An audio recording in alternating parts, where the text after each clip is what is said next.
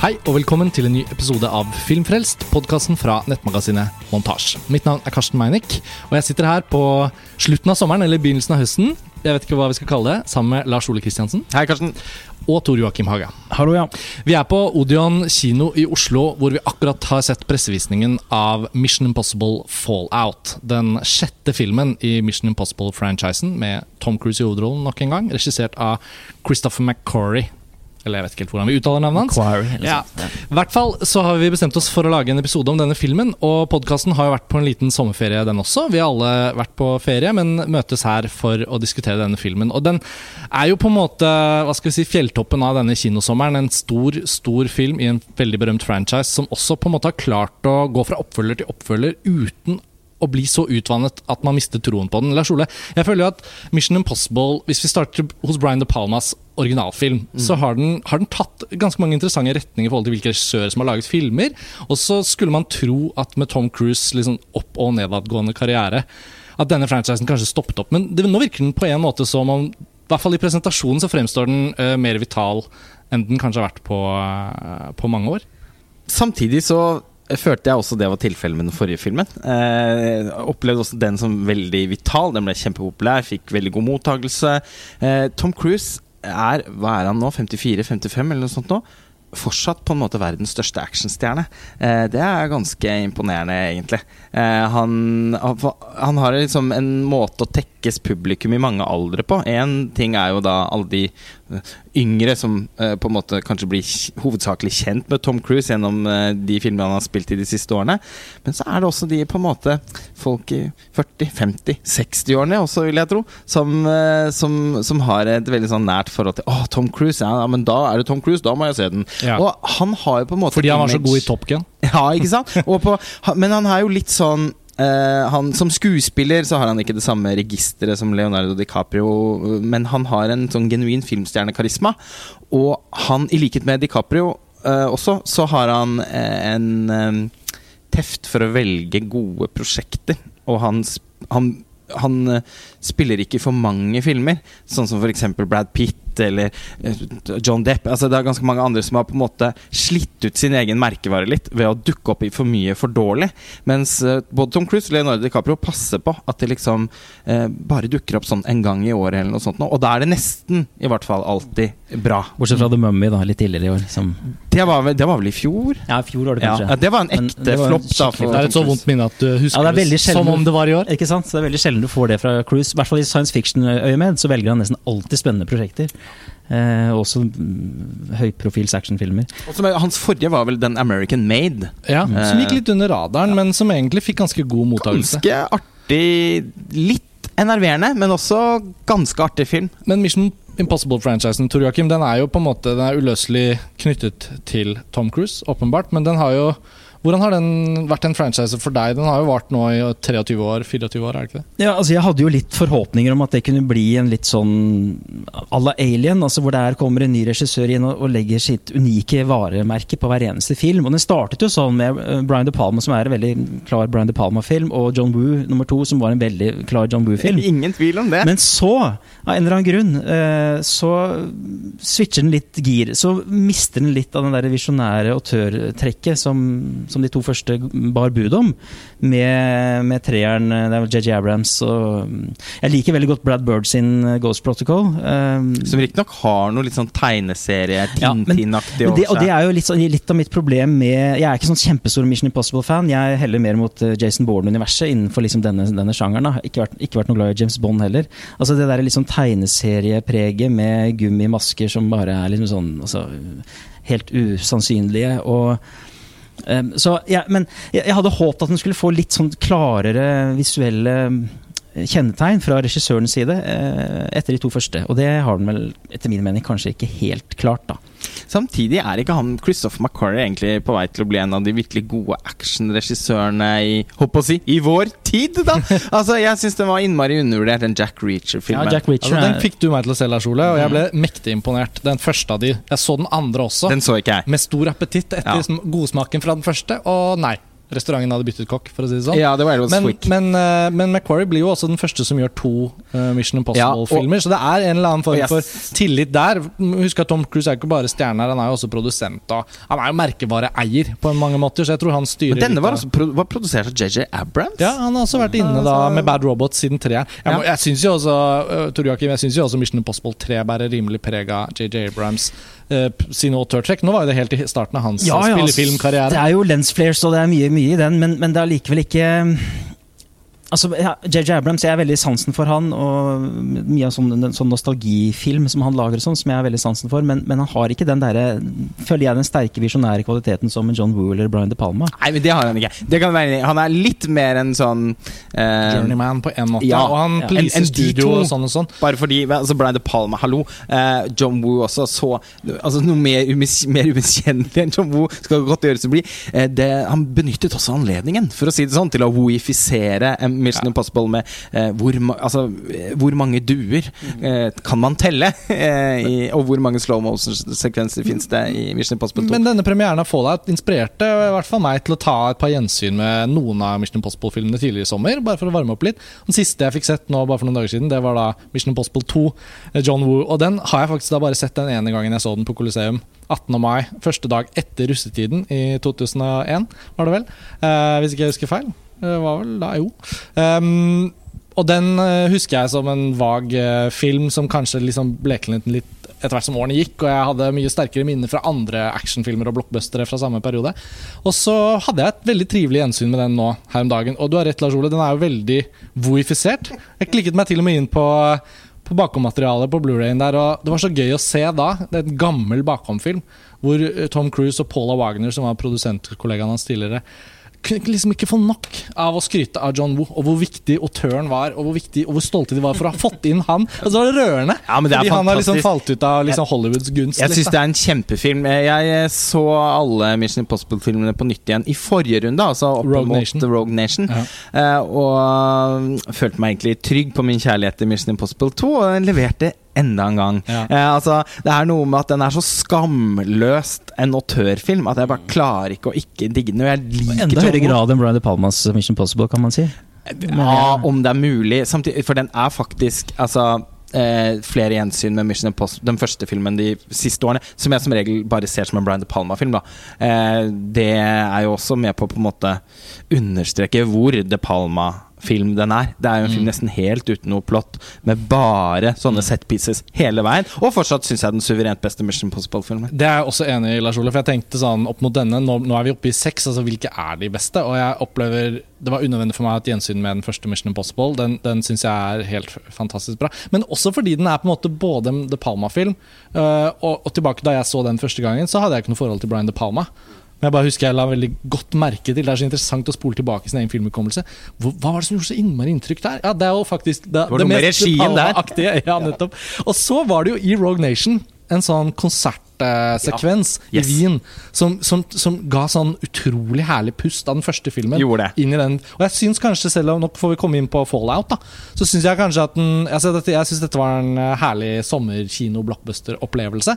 Men jeg føler at en sånn sekvens som den eh, opera-teatersekvensen i Rogue Nation det følte jeg på en måte denne filmen kanskje ikke helt prøvde på, for den var litt mer en, kanskje litt mer en Bourne-film enn den var en eh, sånn De Palma-aktig Ja, dette var en hardere actionfilm. hardere actionfilm. eh, og jeg savnet kanskje bitte litt av da den elegansen som man kunne finne i Rogue Nation. Det er, det er jeg enig i. Altså, jeg, jeg husker ikke så veldig mye fra de tre siste filmene. Det eneste jeg, det jeg husker mest fra, er faktisk Brad Bird sin Ghost Protocol har jeg med. Dubai-sekvensen Ja. og, og Burj Khalifa. og, ja. Men er det noen på noe sted i hele verden som noensinne har husket noe fra den andre halvdelen av Ghost Protocol?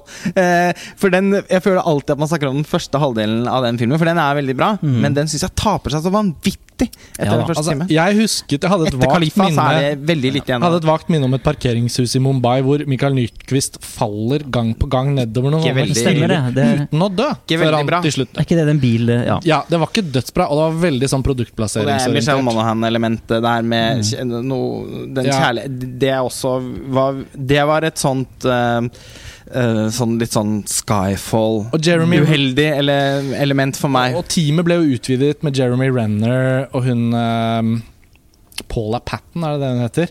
Som har, får en sånn beef med Lia Seydoux. Og det er liksom noe sånn her intrige der som er sånn Ja, kom dere gjennom det? Sånn. Mm. de er jo- så det slet Ghost Protocol litt med. da Ja. Her i denne Fallout så syns jeg kanskje det var litt påfallende hvor lite teamet var. Altså Jeg følte hele IMF var på en måte kokt ned til egentlig bare disse fire. Jeg savner litt den følelsen av at det er liksom en organisasjon. Ja, ja, det er jeg enig i. Men altså det den fremdeles har, er jo den her, altså Fallout er jo den her sånn twist and turn-historiefortellingen. altså hvor det åpenbart har foregått voldsom planlegging som, vi, som har skjedd i ellipsene i filmen. Da, eller Ja. på en eller annen måte. Og det er jo så herlig. Eh, Når man det, det, er jo de Mission, det er jo Mission Impossible, ikke sant? Ja, det er det, the plot ikke sant? Som, som er et sånt gjengangs, gjennomgangsterm i hele universet. Um, og det gjør den jo her, men, men igjen, jeg, jeg savner disse, disse store setpisene. Og Mission Impossible er ikke eh, Jason Bourne. Den har ikke dette tangible, mekaniske, fysiske som det universet har. Og da blir det en litt sånn bastardsak mellom noe James Bond og noe Bourne og sånn, som, som gjør at jeg ikke helt Altså, jeg, jeg tror ikke jeg kommer til å huske så mye fra denne filmen, annet enn en og annen. Kanskje trollveggen i altså, Kanskje det, fordi det er norsk. Prekestolen, unnskyld. Pre Prekestolen. Nei, nå snakker du det for mye ned. Altså, jeg, Ok. eh, ja, nei. Eh, jeg syns at Lars Ole, hva var det beste med denne filmen? jeg, jeg, egentlig Nå skal jeg først besvare det du spurte meg om helt, i, helt til å begynne med. Eh, jeg tror at Mission Impossible har lyktes med å liksom holde blodpumpa i gang fordi de har passet på å ta liksom kunstpauser underveis. Det har aldri vært sånn at en Mission Impossible-film kommer sånn like clockwork hvert annethvert år, eller til og med hvert tredje år, som f.eks. James Bond gjør. Jeg har store problemer med de siste James Bond-filmene. Jeg syns den siste virkelig gode James Bond-filmen er Casino Royale. Og til og med den har et par sånne litt sånn eh, tacky, forsøksvis revisjonistiske elementer, blant annet litt sånn sort-hvitt Loreal-reklame inn der, og sånn som jeg ikke kan utstå, som egentlig litt sånn konservativ James Bond-fan. Eh, det er en annen diskusjon. Jeg syns det er jeg, jeg, jeg syns at Mission Impossible alltid på en måte leverer varene, i hvert fall til en viss grad. Jeg har jo da faktisk eh, litt mer problem med den Ghost Protocol enn en del andre. Det er den jeg liker minst i franchisen. Eh, men til tross for det jeg også at det er en ganske sånn idérik, morsom eh, underholdningsfilm.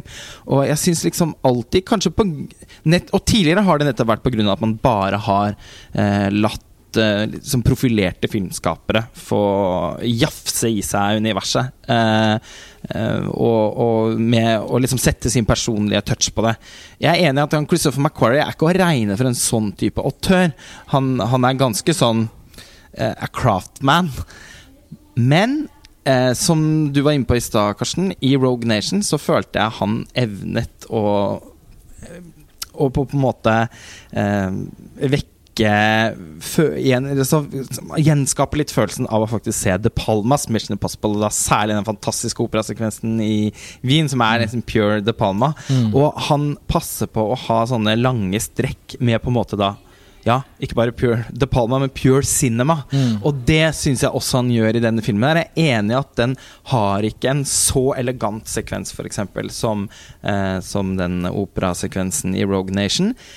Til gjengjeld eh, så har den noen biljakter og noen, og noen sånne helt sånn eh, Noen stunts og sånn som det det blir så voldsomt at jeg, at jeg ikke kan dy meg for å elske det litt. Kan jeg si det sånn at Rebecca Fergusons karakter i Rogue Nation Hennes liksom fremtoning var litt den filmen. Så kan man si at Henry Cavills CIA-agent i Fallout er litt denne filmen. Altså Det er litt mer en sånn muskelbunn som rister av seg glasskårene og hever nevene, enn en mystisk eh, agentkvinne som beveger seg mellom eh, kulissene. Jeg følte det For, ja, for her tenkte jeg liksom på Ronin, jeg tenkte Ja. på French Connection, Ja, ja. jeg tenkte på Bullet. Og det er jo ikke dårlige filmer. å- Det er biljaktfilmer! Og den, tar jo, den napper jo rett fra Born Er det ikke toeren som har den utrolige eh, biljaktscenen i Paris? Ja, jo, Hamburg. Eh, jeg tenker på Paris, den ja, uten Supremacy. eh, musikk? Ja. Mm. For det her napper jo den Fallout har jo en biljaktscene i Paris hvor plutselig alle lydeffekter og Mm. Eller lydeffektene er der i sin reneste form, og all musikk blir tatt til side. Ja, del to, på en måte. Det Ja, to ja, for den Paris-sekvensen Mm. har jo jeg, på en måte Det beste med den for, for meg var at den ikke sluttet. At den hadde det der Å ja, og så enda en, og så Mm. mer, og så enda et ledd. Det var Mm. fett. Men det har jo, det er, jeg er veldig opptatt av at, den her, at det er en slags bastardfilm. For det, det som er bra, som er disse tingene her vi nevner nå, det er, det er de Born-elementene, egentlig. Litt som den Knight tar inn seg. den seg Men, men, Ja. men ja, nei, og så er det disse Heat skimaske. Altså, den har prutt- den- den- Men så gjør den så mye tåpelig innimellom. Også, sånn som, det er Det er mye ikke-bornsk der òg. Ja, det er det jeg mener. Ja, men som også er blant kvalitetene du løfter fram. Jeg tenker ikke på Jason Bourne når den, under en sinnssyke sånn slags fallskjermdrakt. Nei, det er Eh, James. Bond. Ja, det er noe annet. Det er James Bond. Det er James Bond. det er James Bond. Det er sier. Men men tenker du det urene? At det er det du har det, med? det urene, og et eller annet sted imellom der så finnes det også andre ting, nemlig en, en del sånn skisseringer av uh, folk uh, som ikke er en del av hovedgruppa, men som også lugger veldig. Når jeg På et tidspunkt drar de til et eller annet sånn diskotek for å uh, oppsøke en eller annen sånn henchman av noe slag. Fantastisk herlig Og kommer inn- kommer inn- Jeg tror. Joakim skal frem til disse franske guttene. Jeg skal frem til de, de franske guttene som kommer inn skal og skal på do. Det var Så en kjempegøy! sånn parodi av en annen verden på noe, noe amerikanisering av franskmenn. Altså, det var bare sånn, det var så latterlig. Jeg tenkte, Og det er på de tidspunktene jeg blir dratt ut av, av eh, det universet de prøver å skape. Fantastisk slåsssekvens på Den var fin. toalettet. Den Med var sikkert en sånn kinesisk superstjerne eller noe Ja. som er kastet eh, til å Uten replikker, da. Altså. Til å Ja. Det var ikke noe vits. Nei, men uh, han kung-fuet i hvert Ja. fall dritten ut av den doen. Absolutt. Ja. Jo da, og det, og det interessante her er at for deg er dette litt eh, et problem med filmen. Og Lars Ole, du trekker jo frem gleden over at det er litt humor her. Og jeg må jo si at jeg er litt enig med Lars Ole i at når den da endelig hadde litt humor, så syns jeg på en måte det passet seg. da Uh, Er det kanskje Mission Impossible 3 som er den mørkeste og jævligste? jævlig Hva, hva, men men, ta et annet eksempel. Da, når, han, når han skal, eh, han, en av disse her på teamet skal følge med på en sånn dataskjerm. ikke sant? Ja. Og så, Oi sann, der trykka jeg på The Lost skjerm, ja. Det var vist, og det var sånn der, sånn kommentar til eh, moderne teknologi. Hvorfor? Hvorfor? I en film Ja. som Den klarer ikke å bestemme seg for hva den vil, føler jeg. Men uten de bitene så syns jeg det hadde også blitt litt humørløst i visse biter av filmen. Så jeg synes klarer å balansere det ganske greit. Men jeg, men jeg må jo innrømme at det er noe av det bedre med Ghost Protocol. da Altså Den utrolige scenen inne under Kreml der, med denne ja, skjermen som Ja. gjengir dette bildet hvor de beveger seg. Så sånne ting Mm. eh, er det jo ikke så mye av her. Den der litt mer sånn eh, Ikke helt bånd heller, men sånn den oppfinnsomme løsningen på et problem. Teknologisk eller noe sånt. Ja. Eh, Altså, ja. ja, men det er ikke liksom noe sånn, sånn eh, Det er ikke noe ah, sånn Apollon-muskulatur på denne filmen. Det er litt sånn, Den flyter på flesket. Ja. Men, men det Og er knyttnevene litt sånn. Ja, men, men, men det er fett, da. Jeg holdt på å si, når den, eh, når den gjør det. eh, Det er, det er såpass lange strekk av filmen som er så intenst eh, vidunderlige at sammenlignet med det meste annet som kommer av den type actionfilmer, så syns jeg nok likevel dypest sett at det slår det litt til pinneved. da. Den eh, biljakten med, med motorsyklene i Paris, f.eks., eksempel det var en utklassing. Fantastisk sekvens. Mm. Eh, det var eh, Ronin eh, ganger to. Eh, Og også Prekestoltingene som vi ikke skal gå inn på. Men det, ja, der men også det var var så kjempegøy. Ja. Prekestolen som dessverre befinner seg i Kashmir da. Ja. Ja. Eh, Altså, da den fikk Hva var det? Noen millioner av insentivordningen, så ble det vel levert et manus. Og det er vel noen som har sagt akkurat det med at det ikke er i Norge, det blir kjent tidlig nok. Så det tar vi ikke snakker om nå. Altså, du får en litt sånn følelse av ja. liksom, Ja, de Det er bare lurt, så utrolig flott. Vi kan ikke si nei til Tom Cruise bare fordi det ikke utspiller seg i Norge. så folk folket igjen, har nå betalt. Ja, men Det Men står jo at det skal være Kashmir. Ja, men kom, altså, Nå står Tom Cruise og hele teamet her. Nå skal de filme i Norge. Nå må vi bare Dette er det insentivordningen er til for. probably google it. Like, Ja. oh my Ja, god! Aldri. Men nå, vi har jo Chris- Joner. Men det spiller jo ikke noen rolle. Er det ikke altfor mye Ja, Kristoffer Ja, er det ikke altfor bitte mye turister på Preikestolen likevel, da? Snakker vi ikke om det at alle sånne utrolige steder nå blir så infisert av folk, sant, og de bæsjer i hjørnene, og på en måte få dere vekk? Så det er like greit at det er i Kashmir, på en måte. Uh, uansett så har insentivordningen sørget for at det er en liten bit av rulleteksten hvor det står 'Norway Crew', da. Ja da, det er jo flott nok. merke Men filmen er eh, meget uh, uinteressert i det. Det er faktisk mest norske er jo Kristoffer Joner i åpningssekvensen. Ja, det var gøy. Eh, han Ja, gjorde han klarte det seg bra. Som i hvert fall har en større rolle inn i The Revenant. Altså, han får, han får en, han får Ja, en hva var det han gjorde i Revenant? Tente et bål eller noe sånt? ja, og døde ved bålet. Altså Jeg ser for meg utenlandske folk som på en eller annen måte ender opp med å klikke seg inn på Kristoffer Joner og spørre The Revenant? Hva? Når? I would like to see more of this guy. Where, uh, the Revenant? I can't remember. Nei, men altså Alt i alt må jeg altså si at det er jo så mye bra i denne filmen at det er jo på en måte litt sånn at jeg fikk ikke noe øye på noe særlig som var dårlig. Eh, så det er jo Det som er at den på en måte er Blockbuster-nivået er blitt senket såpass at når noe sånn som dette kommer, Ja. så blir man jo litt lykkelig. Ja, jeg er helt enig. Eh, Det er merkevare, for Mm. å si det sånn. Eh, Og, og, og, og med merke mm, Altså ja, den, den, den, den, den har den derre urkvaliteten som en merkevare på en måte da skal ha. Men den er ikke noen Dark Knight, og den er ikke noen Inception, og den er ikke noen Mission Impossible 1, på en måte. Og den er ikke, Nei, altså, sånn, Det er ikke noen Mad Max Fury Road. Nei, altså, noen av de amerikanske filmkritikerne har gått helt bananas her og på en måte kåret den til en av kanskje tidenes beste actionfilmer og sammenlignet den med opplevelsen det var av å se Mad Max Fury Road i 2000 og var det 16? Eh, eller 15? 15 var det. Eh, det, det er jo på ingen måte der. Og på en eller annen måte så kan man leke seg med tanken om at det kanskje kunne ha vært det. Altså Hadde den vært Mm. strammere Altså sånn, Den er for lang, tenker jeg, med sine 2 timer og 24 minutter. Mm. Eh, det er ganske mye man kunne røsket opp i her. Man kunne gjort det enda mer til en sånn pure cinema, pure action-film. Mm. Så for Når den er det, så kjenner jeg skikkelig at det liksom bruser i blodet mitt når jeg ser på den. Eh, og hadde man hatt, hadde man hatt en, en, en, en, en fotograf med større særpreg eh, det- Det opplever jeg at Altså den forrige, De to forrige filmene har vært skutt av Robert Elswit. Robert Elswit kan være en av verdens beste fotografer. Han kan også være en ganske sånn kjedelig fotograf. Jeg syns ikke han har vært på sitt mest inspirerte eh, på de to forrige Mission Impossible-filmene, men han leverer likevel, synes jeg, på et høyere nivå enn det man ser med denne litt sånn ukjente fotografen, i hvert fall for meg. Rob Hardy. Han har vel gjort en del sånn britiske filmer. Hvis ikke jeg husker feil. Ja, så han, var trengt, han, har trengt litt mer Anthony Dodd Mantle, på en måte. Ja, nettopp. Og, og det samme gjelder musikken. Ja, det var si, også et skritt eh, ned, da. Fordi at eh, forrige film var av Joe Kramer, som er en svært talentfull eh, fyr. Eh, skrevet også Jack Reacher og Way of the Gun, som vel er Christopher McQuarries, eh, en av hans tidlige filmer også. er regidebuten, er det ikke? Regi, ja Han skrev manuset til Usual Suspects. Ja, først, og så, og så fikk han Way of the Gun, Ja. tror jeg.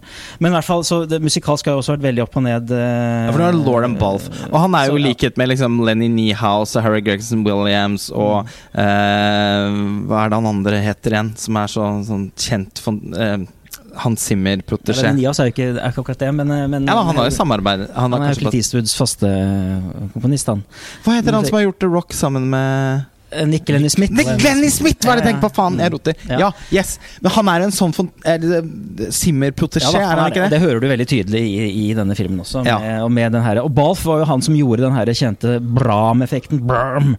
Som, som du hører veldig mange ganger i denne filmen. Inception var jo traileren som den ble brukt mye i. Men Hans Simmers musikk i Mission Impossible 2, som jeg da hadde et nylig gjensyn med, er jo fantastisk. Dødsbra! Ja. Der Og så han, han jo inn i en sånn etno-elementer, som det er på det tidspunktet er mange år siden han har gjort. Power Anthems Og så er det alltid spansk og helt Så er det ikke alltid gøy hva de gjør med han Schifrins originaltema Ja fra, tilbake fra TV-serien. Ja og sånn. Det er jo gøy hvordan de vever det. og sånn. Helt fra sånn. liksom Mullen og Clayton fra U2 sin versjon i, i originalfilmen til så har de gjort mange sånne varianter av det opp igjen. Klaus Badelt var det jeg tenkte på i stad. Klaus Waddleton, ja. Han er også en Ja, av de. han er også det. Så Lauren Balf Han er liksom en Ja, jeg kjenner jo aldri at Det kiler liksom ikke i magen min når jeg ser det navnet på en plakat. Eh, jeg tenker at han gjør en helt ok jobb. Det er en sånn typisk sånn post The Dark Night, post Inception Er det. soundtrack. Eh, som hvilken, hvem som helst kunne ha sopet sammen. Tilsynelatende. Jeg hadde en sånn rar følelse på Sicario 2 tidligere i sommer, av de så- sommerfilmene jeg har fått sett. Og jeg tenkte altså, Det er jo forferdelig tragisk. Johan Johansson som gikk bort. Men har han liksom klart å har, er, det, er det litt sånn som med Carrie Fisher i de seneste Star Wars-filmene, at de har, de har funnet noen elementer? Det er likevel Johan Johansson etter sin død som har liksom laget musikken til Sicario 2. Så kommer rulleteksten, og så er det et islandsk navn, en islandsk kvinne. Hildur Gudnadottir. Som sikkert er veldig talentfull, men det var sånn følelsen av at liksom mm, Men det er jo nesten det. Uh, og det er jo litt sånn følelse her at liksom mm, Kunne ikke fått Hans Zimmer, da. Ja. Når han fortsatt lever. Ja, han kan ikke komponere musikk til alt heller. er Nei, han må vel gjøre sine prioriteringer, han òg. Men det er klart, når en film har et så massivt budsjett, så er det litt underlig at man ikke Går til en av de aller, aller største. Ja, det er litt Om ikke Hans Zimmer, så kunne det er mange Men på kunne måte, gjort Hvorfor ikke hyre inn en av de aller feteste fotografene, en av de aller feteste komponistene? Det hadde jo faktisk løftet dette her ytterligere. ytterligere. jeg, derfor sier jeg syns det er en ujevn eh, film, og det har hele franchisen vært etter de to første sterke filmene. Eh, og for meg så mangler det en konsistens, eh, en slags visjonær En visjon, da.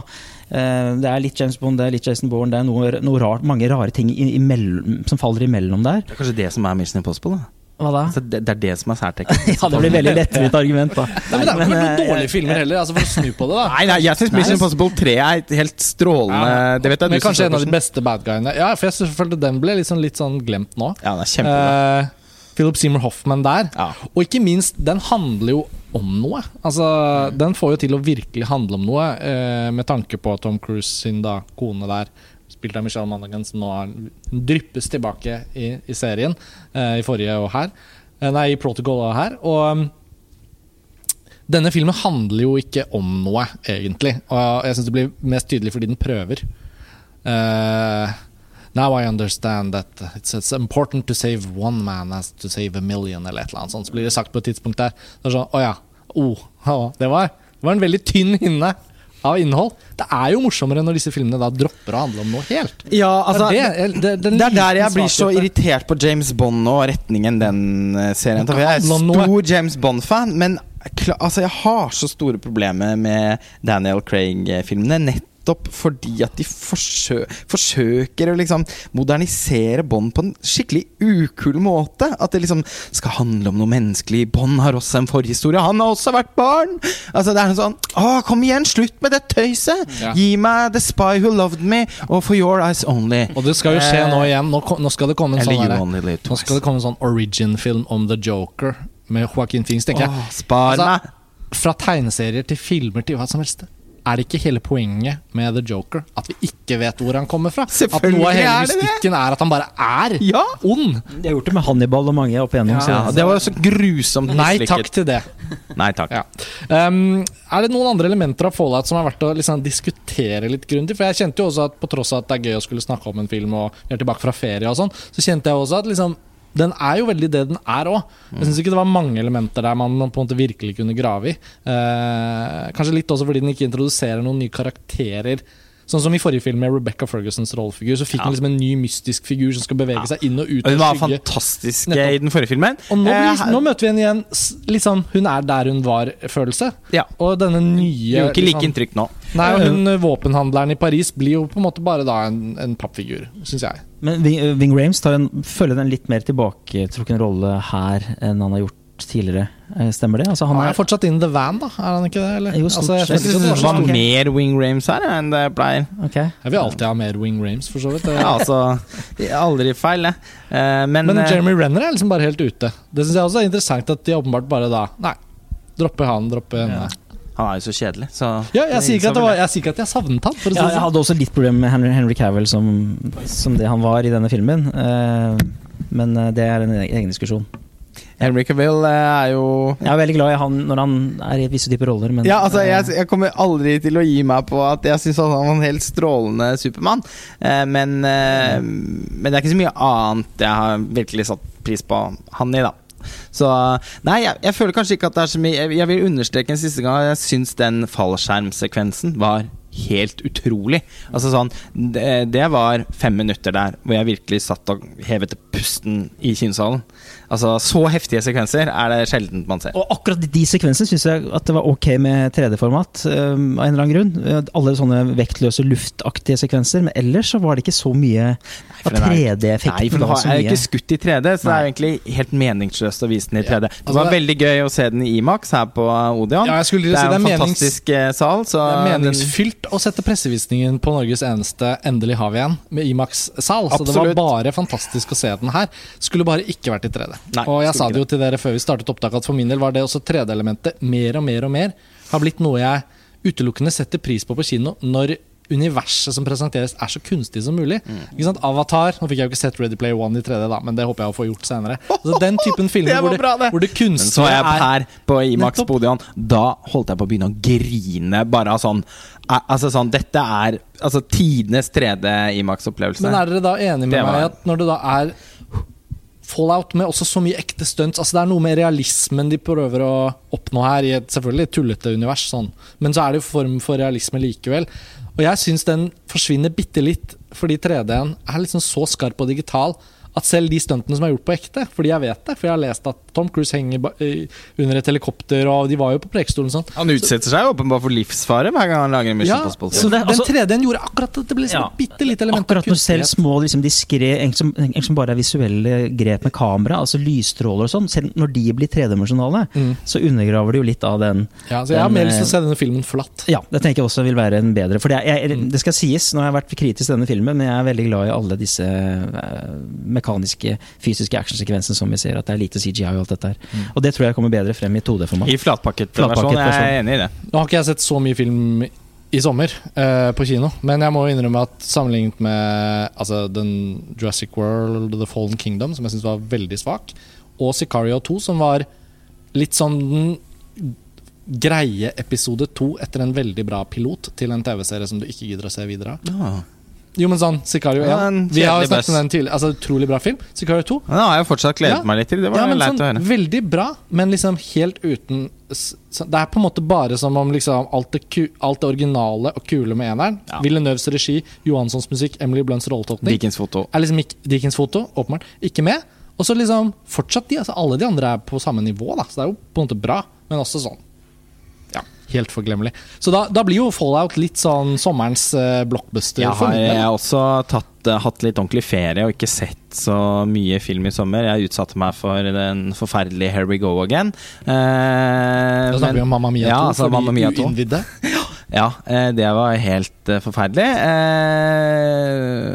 Men jeg har hatt én fantastisk kinoopplevelse i, i sommer, og det var jo Hereditary. Denne svært kritikerroste og hypede eh, skrekkfilmen som hadde premiere på Sundance eh, i, tidligere i vinter.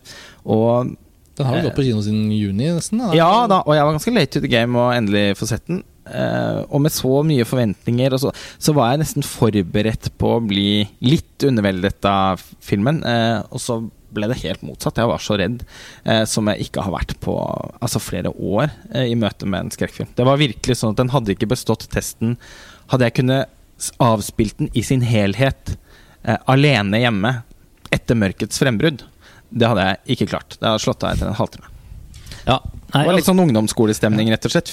Fy faen, den var fæl. Den Ja tilbakemeldingen gjør at jeg aldri skal se den. Men, Nei, altså, ja, det, jeg vet ikke om du skal se jeg, For meg var ikke den så bra som det jeg hadde håpet. Eh, For meg er det en annen film. Hvis du tar med mai da, i sommermåneden her, så var A Quiet Place, som jeg har skrevet om, på montasje også, en, en betydelig bedre og mer effektiv og mm, ja, eh, grusom skrekkfilm, eh, i positiv forstand, for min del. Så det er et sto- høydepunkt sommer. Og det Men du ble ikke skremt av Hereditary? Nei, egentlig ikke. Og det er veldig rart, for jeg Nerver av stål, altså. Nei, Det men det her Quiet. Place var veldig creepy for min del, og sånn, så det, det der er jo helt individuelt som med komedie. Men, eh, men The Quiet Place syns jeg var en helt fantastisk film, og sammen med også Solo og Star Wars Story, som begge de to filmene er foreløpig på topp ti, hvis du regner de som sommerfilmer, da, de to. Det har vi jo. Vi får ikke gått inn Gått på, inn på det nå, Solo. Star Wars Story av Ron Howard. Skyggeregissert av disse Lego. Altså, nei, det, det er jo en historie for seg selv, alt rundt den filmen. Uh, jeg må si at den ble så Den ble som en punktert sånn svømmearm. Uh, så jeg følte liksom at den ble det bare å ikke se. Jeg har prøvd å blåse opp en sånn svømmearm flere ganger i sommer, og det går ikke. Og samme er det med interessen min for Solo og Star Wars Story. Så uh, det blir, det blir en, en, en leiefilm, det, til høsten. Ja, men det er, A Quiet Place har jeg hatt innmari lyst til å se. Og jeg minnes jo selvfølgelig din omtale og en generell altså Den har også fått et brus av anerkjennelse eh, fra omtrent overalt. Så den har, og, og den går fortsatt på kino i Oslo, så den har, jeg har på blokka å få sett den eh, en av de nærmeste dagene, forhåpentligvis. Men bra. Men om den slår Hereditary, det er ta en ny diskusjon. Ja, det får men, vi ta en ny Men det diskusjon er i hvert fall, ja, Fallout faller ikke, kommer ikke helt opp på det nivået. når det Nei da, den gjør ikke ja, Nei, altså, men, men ehm, Et Altså, lyspunkt en, meget, Ja, er et- nok et- en særdeles okay. vellykket ja. uh, Altså Mission Impossible-film, det må jeg si. Jeg gleder meg For å returnere til det Jeg gleder meg til å ta med min far og se den på Ja. kino en gang til. Og, og avslutningsvis Tom Cruise, som vi startet med. Er jo så herlig å se hvor Han er jo i full vigør, han. Altså, det er jo helt Han løper på samme måte som han alltid har gjort. Ja, ja, altså, Hvis vi setter hans rolle i en utrolig sekt til side, så, og bare tenker på han som en skuespiller For det er litt vanskelig av og til å riste av seg disse historiene om hva som foregår i scientologikirken og sånn. Men når man tenker på Tom Cruise som, som filmstjerne, så er det jo i hvert fall veldig gledelig at han er i såpass god form som han viser å være her da, i Fallout. Så Ja. får bare håpe at det kommer mer, Elsker Tom Cruise. at han aldri blir gammel. Han er fantastisk. Eh, han, ja, men han har en sånn gen- ekte sånn filmstjernekarisma som også kaster litt tryllestøv på de Mission Impossible-filmene, og som fortsetter å gjøre det. Det hadde ikke vært det samme hvis man liksom hadde rebootet franchisen med f.eks. Jeremy Renner. Nei, Altså For meg hadde ikke det vært 40 Jeremy Irons. Nei, altså, Det kunne vært noe. Nå får jo Renner høre det, da, men Lars Ole, Det morsomme er jo at Jeremy Irons har ikke sett på årevis. Hvor raspete er den stemmen nå? Porn-franchisen prøvde jo å putte inn Jeremy Renner. Ja. Husker du ikke det? Born, Born Legacy. franchise. Born Legacy. Ja, Stemmer inn med det. Renner. Stemmer det! Stemmer det! Funka ikke! Tilbake med Matt Damon! Så du har på en måte et poeng her, da. Ok, vi får avslutte. Um, godt å være tilbake. Eh, nå er sommerferien over for vår del, så nå kan lytterne se frem til hyppigere episoder etter hvert som det da blir høst. Og kinohøsten er jo full av forskjellige eh, gleder, festivaler etc. Vi er tilbake før dere vet ordet av det. Takk for denne gang, Lars Ole. Ha det bra. Tor Joakim. Ha det bra. Og uh, Odion Imax på Storo. Takk for at vi fikk være her. Ha det bra!